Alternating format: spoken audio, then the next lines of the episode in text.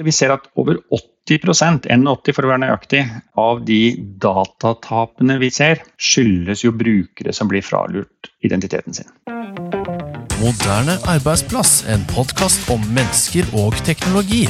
For fagfolk og folk flest.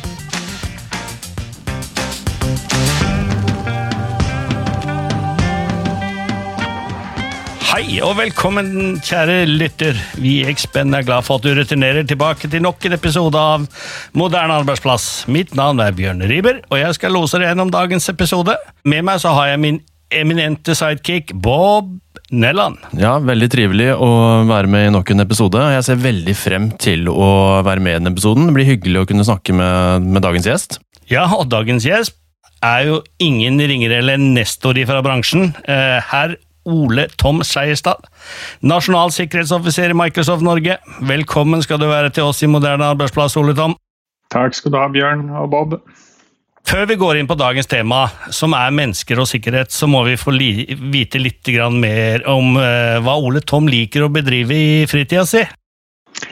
Ja, nå har det jo vært lite fritid det siste året, da, med Teams-møter stort sett hele tiden. Men når jeg har sjans, så liker jeg selvfølgelig som flesteparten å møte gode venner. Mm. Eh, lage god mat. Og så har jeg også en hobby med å fotografere. Så, eh, så fort sjansen byr seg, være ute og enten ta bilder av folk i streetfoto eller andre typer bilder. Mye fotografering. Bruker du da bilen din, for du har jo en ganske spesiell, artig bil når du skal kjøre rundt og ta bilder? Den bruker jeg også. Den begynner å bli nesten like gammel som meg. Den tar meg ikke igjen, men eh, den er 50 år gammel og grønn og fin. Ja, det er grønn og fin, omtrent som logoen vår, eh, Bob. Eh, det er en snasen bil, så eh, Men før vi starter med å, å snakke om mennesker og sikkerhet, Ole Tom, litt grann om din faglige bakgrunn og teknologireise. Du har, jeg kan vel starte med å si at du har 31 år i Microsoft, stemmer ikke det? Jo, det stemmer. Så du var jo en av de første som starta i Microsoft, men trekk oss gjerne videre på, på din teknologireise og faglige bakgrunn.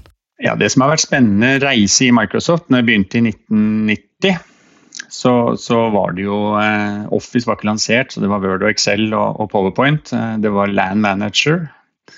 Eh, det var Cenix. Eh, og en veldig fokus på forhandlere. Og salg via forhandlere, noe som vi fortsatt holder på med. Av, mesteparten av salget vårt er jo via et forhandlerapparat og et partnerapparat som har vært utrolig viktig gjennom alle årene. Eh, det som har vært spennende i Microsoft gjennom så mange år, det er jo at man har kunnet hatt flere forskjellige roller. Jeg begynte jo som teknisk sjef, altså ledet supportavdelingen. Eh, etter hvert begynte å jobbe med partnere. Hadde partneransvar, utvikla partnerprogrammet, både programvarehus, konsulenter og tradisjonelle eh, partnere som vi i dag kjenner som Athea, Crayon, Iterra etc., som, som videreselger og videreforedler produktene våre hos kunder. Så hadde jeg en, en, periode hvor jeg holdt på med noe helt annet i Microsoft, hvor jeg ledet eh, konsumentsatsingen vår rundt eh, MSN Network. Så vi hadde jo Expedia, og vi hadde MSN, Hotmail lansert. Eh, Internett Explorer kom jo på banen i, i 596, og, og hele internettrevolusjonen hvor vi var med. Husker vel, i hvert fall Bjørn vil jeg regne med, husker sånn som eh, Frontpage og Internet Information Server og, og de tingene der. Spennende periode.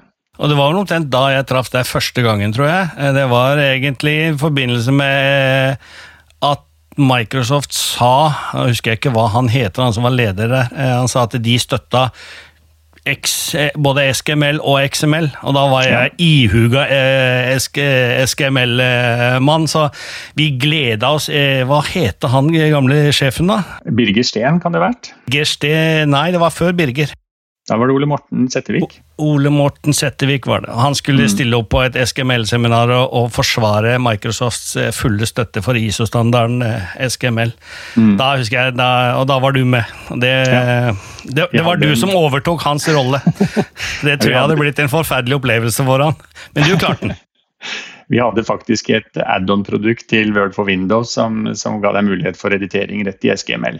Det var de gode, gamle dagene når jeg drev på med, med, med den type ting. Men uh, For å ta oss litt videre og inn på det faglige, Ole Tom. Eh, vi, veldig, altså vi, stiller jo veldig ofte spørsmål til gjestene våre, eh, og vi er egentlig veldig spent på å høre hva du legger i begrepet moderne arbeidsplass. Moderne arbeidsplass er jo et, et litt sånn buzzbegrep hos oss i Microsoft. Og det har jo flere, flere innfallsvinkler, da. Det er jo for IT-avdelingen, med å kunne distribuere og Eh, vedlikeholde, oppdatere og, og, ha oversikt over hva man har av asset, som det så fint heter. Altså telefoner, PC-er, nettbrett, eh, applikasjonsportefølje og slike ting. Hvor man har en moderne tilnærming med fjerninstallering, fjernoppsett, eh, overvåking og, og slike ting. Vel så viktig er det jo for brukeren. Eh, både fleksibiliteten, jobbe hvor man vil fra.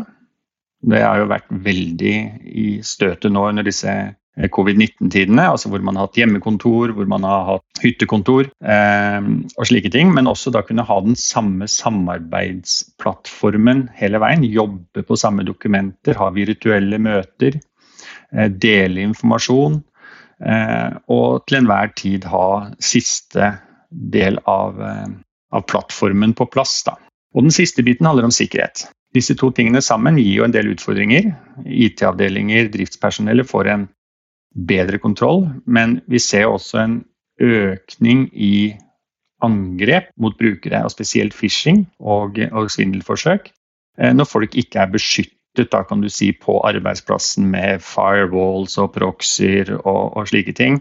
Ehm, det er ikke en IT-avdeling du kan gå til på samme måten for å få den siste oppdateringene. Eh, har du trøbbel, så, så må du klare deg mer på egen hånd. Noe som gjør at man lettere kanskje klikker på en eh, vedlegg i en e-post eller går inn på en webside og slike ting. Men samtidig, i og med at du har en sentralisert drift og vedlikehold av det, så er det også mulig til å kjøre en del av den fjerndiagnoseringen og oppdateringene av dette her. Så det er, det, er, det er, positivt både i forhold til drift med en moderne arbeidsplass, i forhold til brukerne, og også da ting som autentiseringsmekanismer. Altså logge seg på på en moderne måte, bort med passord, bort med spesielle nettverksfunksjoner. Eh, det som, som på IT-språket kalles zero trust. Du kan si Det sånn, det var egentlig siste spørsmålet mitt, eh, Ole. Eh, men siden du bringer opp dette her med passord, da. Ja. Eh, når, altså, jeg, jeg er jo håper jeg, gift med, med, med, samme kvinne siden jeg var, var 18 omtrent.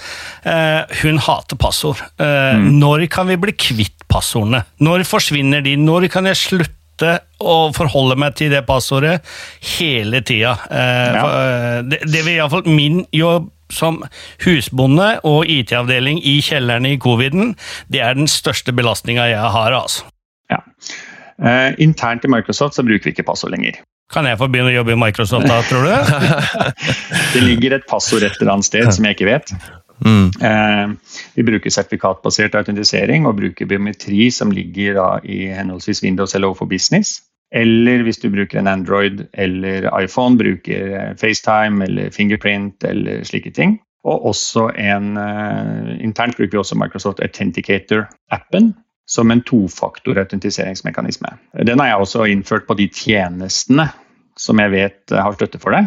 Så jeg har den på Hotmail, jeg kan ha den på Facebook, jeg har den på OneDrive, personlige tjenester, hvor jeg kan bruke den samme autentiseringsmekanismen eh, på de tjenestene. Og så er det selvfølgelig, og dessverre, en del tjenester som ikke støtter den. da. Så noen passord må jeg fortsatt forholde meg til.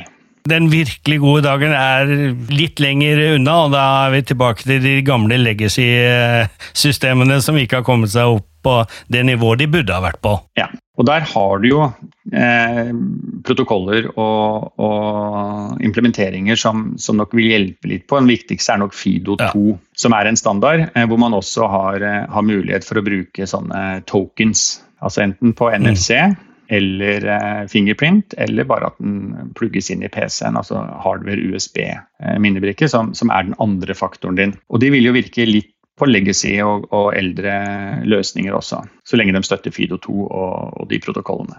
Så, så, det er som Eggen sier, det, det er hoping, hanging snore når det gjelder det å bli kvitt passordet sitt en eller annen gang? Det, det er en viktig bit, og vi ser at over 80 81 for å være nøyaktig, av de datatapene vi ser, skyldes jo brukere som blir fralurt identiteten sin. Det hjelper ikke med all verdens kryptering av brannvegger og slike ting når noen faktisk har et brukernavn og passord som gir deg rettigheter til virksomheten. For da er du innafor. Da har du tilgang til sertifikater og krypteringsnøkler og alt mulig. Da er du å betrakte som en, en i virksomheten. Når folk da ikke har en god sikring av identiteten, så er det det som er den store, store kilden til datatap. Ja. Men i det daglige virket ditt eh, hos Microsoft, så er jo du da det som kalles, på norsk iallfall, nasjonal sikkerhetsoffiser. Eller vel eh, på Microsoft kaller det National Security Officer. Det blir vel omtrent sånn noenlunde oversatt. Ja. Hva er de viktigste arbeidsoppgavene dine der? viktigste er jo å snakke med kunder, partnere eh, som dere og, og andre, og, og kundene om, om hvilke tiltak som kan gjøres, bør gjøres, og hvordan de skal gjøres. Så mye foredrag, mye én-til-én med kunder, med å, å gå gjennom litt porteføljen vår her. Vi er jo faktisk en av de største sikkerhetsleverandørene i markedet. Selv om vi ikke oppfattes som det, for vi selger ikke sikkerhetsprodukter sånn veldig dedikert. Men det er en del av plattformen, enten i Asher eller i Microsoft 365. Eh, det er mer snakk om å få dem tatt i mm. bruk. F.eks. dette her med, med, passwordless, altså ikke bruk av passord. Det ligger i Azure Active Directory, det ligger i Windows, det ligger støtte for det i alle applikasjonene. Men det er snakk om å få tatt det i bruk. Er det mange i dag som har tatt det i bruk i Norge? Det, ser du at adopsjonsgraden øker? Den øker helt klart, men det er fortsatt mange som burde gjøre det. Veldig mange har begynt med tofaktorautentisering, ja. som er et veldig godt steg i den riktige retning. Ja, det er litt mitt inntrykk også, at uh, folk har hatt tradisjonell autentisering. ok, Det er passord brukernavn. Mm. Og så ja. nå uh, så er uh, sikkerhet mer og mer på agendaen. Mm. Men så er det det å få brukerne eller bedriftene til å adoptere dem. Mm. Da kommer vi jo inn på en annen problemstilling ofte. for det, Tradisjonelt så har man jo beskyttet nettverket sitt, bedriften sin, virksomheten sin. Og man ser trusselbildet øker, man bygger høyere murer og dypere vollgraver. Når vi samtidig da vet at den store utfordringen er ikke angrep mot infrastrukturen, men mot brukerne. Mm. Så trenger man da kanskje å ta litt nye grep, men også da få en bedre innsikt, og spesielt i forhold til skytjenester, bedre innsikt i hva er det vi egentlig har av informasjon. Altså begynne å klassifisere dataene sine. Sette klassifiseringen opp imot de ulike brukerprofilene og sette de nødvendige sikkerhetstiltak på da kan du si sensitiv informasjon, om det er personinformasjon, HR-informasjon, finansinformasjon, patenter, eh, avtaler, eller om det er kantinemeny neste uke. Eh, og koblingen der mellom da rettigheter, tilgangsstyring og eh, dataene dine er en viktig jobb som mange bedrifter må gjøre. Og enhet, kanskje? Ja. Og enheter. Ja. Og så har du jo neste igjen, da, som du kan utvide dette her med tofaktorautentisering, og det er det som kalles conditional access. Mm. Eh, skal det være greit å gå inn på budsjettdata, budsjettplanlegging en fredagskveld fra en ikke-managed device og begynne å endre fra et ikke-kjent sted? Mm. Kanskje den bør stoppes. Skal bare oppklare managed device for de som kanskje ikke har eh, dykket så dypt i det. Da er jo det en enhet som er innrullert i Intune eh, og godkjent av bedriften etter gitte kriterier. Ja. Det er også en del av denne moderne arbeidsplassen. ikke sant? At du har en, mm. en, en driftsmiljø som også er moderne. Ja. Ja, Det er jo interessant, fordi uh, der er det nok ganske mange som har en stor jobb å gjøre. Å tenke helheten der, og mulighetsbildet som ligger innenfor uh, valgte lisens. da. For mm. der, uh, Jeg har en teori, og den har jeg, tror jeg har fått bekreftet ganske mange ganger, at det er mange bedrifter som gjør en investering i, i lisenser. Og så bruker de veldig lite av den. da. Eh, greit, de ser det på toppen, som er det som treffer bruker direkte, da, applikasjonene. Mm. Og, så, uh, og, så, er det jo leverandør og ikke minst IT-avdelingen, hvis de har det internt, da, og tar liksom grep uh, og utvinner alle, alle, de godsakene og mekanismene som eksisterer der. Da. Og det, ja. det krever jo et prosjekt, uh, og gjerne flere. Mm. Og det, er spesielt med skytjenester. Det krever også at du har en, en, oversikt og innsikt i hva slags type informasjon du behandler, og, og viktigheten av dem. Ja, ikke minst når det kommer til informasjonen. Uh, ja, hvordan, skal, som du nevnte, da, hvordan skal ting klassifiseres? Det er jo som, ja. Uh, ja, Hvordan skal man angripe et uh, sånn type prosjekt med den mm. dataen vi har? Og kanskje vi skal flytte fra en god gammel filserver til, til SharePoint. Da. Og da mm. blir jo de problemstillingene veldig aktuelle. Og Da har du kanskje ikke hatt klassifisering, og så skal du opp i sky, og så får du den muligheten her, men så skal du gjøre det fort. Og da kan det hende vi sier at nei, klassifisering det, det, får vi se på senere, når vi har tid. Ja. Men da har jeg et innspill, for nå har vi snakka litt eh, om hvordan vi ser på det. Men hvis du ser på mennesket, altså brukerne Eller brukerne er jo et feil ord, men altså de menneskene i organisasjonen. Hvordan blir de påvirka? Altså, det er generasjonskløfter der ute. Mennesker responderer forskjellig. Mange syns det er skummelt å begynne med noe nytt. Eh, og, tenke sånn at når de får kanskje ja, Teams inn og skal begynne å lage, lagre i OneDrive istedenfor på, på maskina si, så, så, så, blir de rett og slett nervøse for at det er, det er noe nytt. Altså, hvordan påvirker dette sikkerheten, altså bruk av sikkerhet? Eh, sikkerhetsteknologi, Tom, hva slags erfaring har du der? Vi var en gjeng her som skrev en liten kronikk i Finansavisen i, i høst i forbindelse med brukerne er jo selvfølgelig kjempeviktige, og, og brukerne er jo eh, førstelinjeblokkering, egentlig. Det er de som, og det ser vi jo i forhold til Nasjonal eh, sikkerhetsmåned f.eks. Stopp, tenk, klikk. Eh, og veldig mye fokus er på brukeren. Noe som er viktig at man også har internopplæring, eh, såkalte awareness-kampanjer, teste brukerne litt. Eh, men jeg mener også at det ligger mye ansvar hos IT-avdelingen. Om den er i eget hus, eller om det er en partner som gjør det, så kan du automatisere veldig mye av dette her. Så vet vi en annen ting er at eh, oppdatering av systemene å kjøre ikke bare den vi kommer på den patchet tirsdagen vår hver annen tirsdag i måneden, men, men alt har applikasjoner. Om du har Adobe eller Citrix eller andre ting. Oppdater når leverandøren kommer med det. Det er sånne enkle, veldig enkle ting å gjøre, og vi vet det, det stopper enormt. Eh, du skal ikke la brukeren tenke på det. Du skal ikke la brukeren tenke på, på f.eks. dette her med eh, klikke på en e-postlink det kan systemene hjelpe deg med. Og, og, og, vi ser at det er vel 99,6% at det smartscreen-filteret som ligger i både Edge og Outlook og slike ting, klarer faktisk å luke bort de såkalte malicious URLs. Vi bruker maskinlæring til f.eks. ikke se på bare eh, signaturfiler i antivirus. Altså, vi har rundt 300 millioner variasjoner om dagen på virus. 96% av dem ser vi bare én gang og aldri mer. Og, og, du vil aldri kunne laste ned en signaturfil for alt det. Du må se på hvordan oppfører systemet seg. Hva prøver denne filen å gjøre? Hva prøver denne linken å gjøre? Prøver den å installere noe? Prøver den å endre registry? Prøver den å hente ut eh, credentials, altså bruker den passord og slike ting? Og så må systemet hjelpe deg å stoppe dette her. Du kan ikke la en bruker ta fullt og helt ansvar for dette her. Det må IT avdelingen, om den er i eget hus eller outsourca, sette opp rutiner og sørge for at det er skrudd på. Ja, og da er det jo I Microsoft 365 eh, så er det jo sikkerhetslag der som da man kan skru og tune som absolutt eh, sikrer at kanskje Kanskje det blir litt for strengt, at, det, at kanskje bruker må etterlyse e-post også. Eh, men eh, jeg har vært borti tilfeller hvor jeg har eh, skrudd på min egen tenent. Hvor jeg liksom, okay, må gå inn i admin-panelet og så slippe opp e-post som da har blitt blokkert. Men det er mm. helt legitimt at de har blitt stoppa, for da er de sendt fra en eller annen e-postserver mm. som ikke er skrudd godt nok da med, med, tanke på å levere fra en trusted adresse. Ja. Da gjør jo ATP-en i det tilfellet her en veldig god jobb. da. Ja.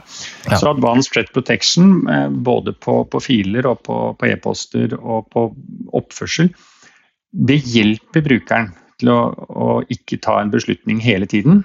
Men det, så det, det, er et samspill mellom brukeren og holdningen til brukeren, og hva som er skrudd på og satt i, i live av de løsningene som faktisk finnes der og, og fungerer. Da ligger jo det på IT-avdelingens uh, side, at da, tar de ansvar for brukerne, hva som når bruker. Og så er det jo også et ansvar eh, der for å sikre enhetene, som igjen også indirekte da gjør at uh, bruker i utgangspunktet ikke bør tenke, tenke, så mye. De må jo tenke, men ting blir ivaretatt. da. Mm. Sitter du på en gammel Windows-maskin, så kan det være regler som sier at den er ikke oppdatert nok, så da når du ikke tjenestene våre. ikke sant? Og det, det ligger i f.eks. conditional access. Ja. Og, og, da er du tilbake til det at opplæring er eh, viktig både for, for IT-avdelingen, men, men, også den eh, som er retta mot brukerne. Eh, at mm. de blir eh, bevisst på hva som er lurt og hva som ikke er lurt. Eh, mm. Sånn at ikke vi stoler helt på at systemet eh, altså Du kan gjøre hva som helst, systemet retter opp feila. Og, og der ser vi vel også samarbeidet Microsoft har med f.eks. I mitt tilfelle, som er en gammel Citrix-mann, så er jo de et utstrakt bruk av det å ha felles tilgang til alle disse truslene som ligger der ute, sånn at alle mm. systemer, selv om det kommer fra Microsoft eller integrert med Citrix eller med VM-er og hvem andre ligger der ute, altså mm. checkpoint og sånt, så blir det jo altså, Dess flere leverandører som samarbeider om trusselbildet, dess enklere blir det vel kanskje å, å min, altså øke øke opp til 99% at alt blir detektert. sånn at det, ja. det, er vel også en ganske viktig ting når du ser på hvordan Microsoft Dere bruker vel en milliard eh, dollar på, på utvikling uh, rundt sikkerhet i, i, året, hvis jeg mm. husker alle disse seminarene jeg har vært på riktig. Altså, Det må jo være en vanvittig holdt på sagt, styrke å kunne, kunne samarbeide på, på tvers av teknologileverandører også, for å hjelpe mennesker? Ja, Eh, og, og, vi bruker en milliard dollar pluss i året rundt dette. her, og Noe av det viktigste vi gjør, er jo maskinlæring rundt det. Vi har rundt 10 trillioner, jeg er ikke sikker på hvordan det oversettes til norsk, men trillions, eh, signaler som analyseres hele tiden. Bare for å illustrere, da, så skanner vi rundt fire, eller vi har rundt 450 milliarder autentiseringer mot Asher Active Director i måneden. Oi, såpass, ja. Eh, det betyr at det er rundt 185 000 i sekundet. 24-7. Autentiseringer. Ja. Mot, ja. her, er det jeg og nei. Uh, ja. ja. Vi skanner rundt det samme antallet e-poster for Malware. Ja. I sekundet. Ja. ja. Det er enorme datamengder som ikke, ikke en installasjon i eget hus ville ha sjanse til å kverne. Så bruker vi maskinlæring på det i noe som vi kaller Microsoft Security Intelligent Graph. Og den deles som du sier, Bjørn, den deles med industripartnere. Den deles med CERT-ene, ja, ja. altså nasjonale og, og sektorvise CERT-er omkring i verden. Den deles med Antivirus Alliance, som vi er med. Vi har Security Partners. Og flere av sikkerhetsleverandørene inkluderer da disse dataene i sin plattform, og så henter vi fra andre og inkluderer i vår plattform. Slik at vi har da dette felles bildet som du snakker om, med, med truslene og trusselaktører. Og vi konkurrerer på salg og vi konkurrerer på, på løsningene, men akkurat den det bakenforliggende samarbeidet eh, eksisterte i veldig mange år. Her er det en stor, stor sikkerhetsallianse da, som, som, kommer både leverandørene og ikke minst sluttbruker og alle de som bruker tjenestene til gode. Det er jo kjempebra. Ja. Og, og, og, da kan du skape med bruk av maskinlæring og kunstig intelligens f.eks. Eh, identifisering av eh, umulige reiser. Pålogginger som skjer i Trondheim og i Oslo med ti minutters mellomrom. Nei, det går ikke. Nei. Her er det en credentials på avveie. Eh, vi kan inkludere det vi kaller passwords in the wild, altså passord som, som typisk Troy Hunt har, har på sin Have I been pawned. Inkludere det, slik at en virksomhet kan se om ansattes passord har vært på avveie. De ser ikke passordene, men de kan se at det her er det en lekkasje av passord eh, fra en bruker i virksomheten. Eh, og kunne ta nødvendig eh, action på det. da. Så denne security-grafen vil, vil flytte tilbake til til tjenestene, da, spesielt til sky. Spennende. Vi har snakket om uh, sikring av identitet, vi har snakket om sikring av enhet, uh, sikring av innhold. Her kan vi jo sikre på mange nivåer, men hvordan påvirker det brukeren? Tar vi mye ansvaret vekk fra brukerne nå? Gjør vi det mindre bevisste? Uh, har du noen tanker rundt det? Jeg tror ikke det. Nei. Både pga. at trusselbildet øker ganske mye, slik at man leser mer om det i pressen. Man hører om de, de store angrepene. Ja. Eh, og gjør, blir litt mer bevisst på det. Eh, man hører om, om også sluttbrukertjenester eh, som blir hacket. Mm. Altså Twitter, Facebook, slike ting. Som gjør at man tenker seg litt mer om. Parallelt med det så ser vi jo at sikkerhetsløsningene blir bedre og bedre. Så det er litt som en litt sånn trappetrinn. Ulempen for oss vanlige brukere og vanlige IT-avdelinger, er at vi har mange regler å følge. Det har ikke de kriminelle. Nei, De- der er det jo Eh, og- De er vel det du kaller eh, høyst opportunistiske og, eh, og agerer når de får en sjanse, ja. Ja, og Derfor er det viktig å, å ta disse tingene da, som du, du sier. altså Device, eh, data, identitet. Serverrommene tar jo vi mer og mer ansvar for i skytjenester. Hvor, hvor vi, eh, vi sørger for den sikkerheten. Både fysisk sikring av datasentrene og, og logisk sikring og isolasjon av, eh, av tenenter, som du nevner. Altså forskjellige brukernivåer. Og vi tar oss også av krypteringen. Ja. Så all data til og fra datasenteret er jo kryptert som standard. Og all data lagret på datasentrene er kryptert som standard. Det høres på mange måter veldig betryggende ut, og, og nå har vi jo snart snakka i en halvtime om dette her, og vi, vi har jo som målsetting å holde dette her kort og konsist i moderne arbeidsplass. Så eh, vi begynner å nærme oss veis ende i episoden, men, men før vi runder av, så må vi jo takke deg for at du hadde tid til å være med som gjest hos, hos oss, Ole Tom. Bare hyggelig. Eh, er det noe du ønsker å, dele med lytterne? Har du noen gode råd eller visdomsord på, på veien? Jeg tror det er viktig for både brukere og, og driftspersonell, IT-personell og, og ikke minst sikkerhetsfolk å, å følge med på de meldingene som kommer fra oss som leverandør og andre leverandører, og ha en dialog med partnere som dere på å få best mulig løsning på plass da, de, og ta i bruk de lisensene man har. Ta i bruk de sikkerhetsmekanismene som ligger der, og, og sørge for at det er gjennomgående i virksomheten. Ja. Ta i bruk eh, de lisensene du har, eller eh, få de rette lisensene til din bedrift. Ja. Det er kanskje mange som henger igjen på god gammel eh, lisensmodell, og kanskje ikke har begynt å kikke på MS-pakkene eller de nye Microsoft 365-pakkene. Så det er, potensialet er stort til å ta noen små grep som hever sikkerheten betraktelig. Ja. Det er suverent. Så før vi runder helt av, så håper vi du som har eh, lytta på oss, har lært noe. Eh, ønsker å vite mer om menneske og sikkerhet i en moderne arbeidsplass, så er det bare å ta kontakt med oss eh, på LinkedIn, Twitter eller Facebook. Eller så kan du sende en e-mail til ma expend.no, eller så kan du chatte med oss på eh, expend.no. Så da håper jeg eh, at vi høres igjen og ha en strålende dag. Eh, takk for at eh, du, Bob og Ole Tom var med. Takk for muligheten. Ha en fortreffelig dag videre. Moderne arbeidsplass, en podkast om mennesker og teknologi. For fagfolk og folk flest.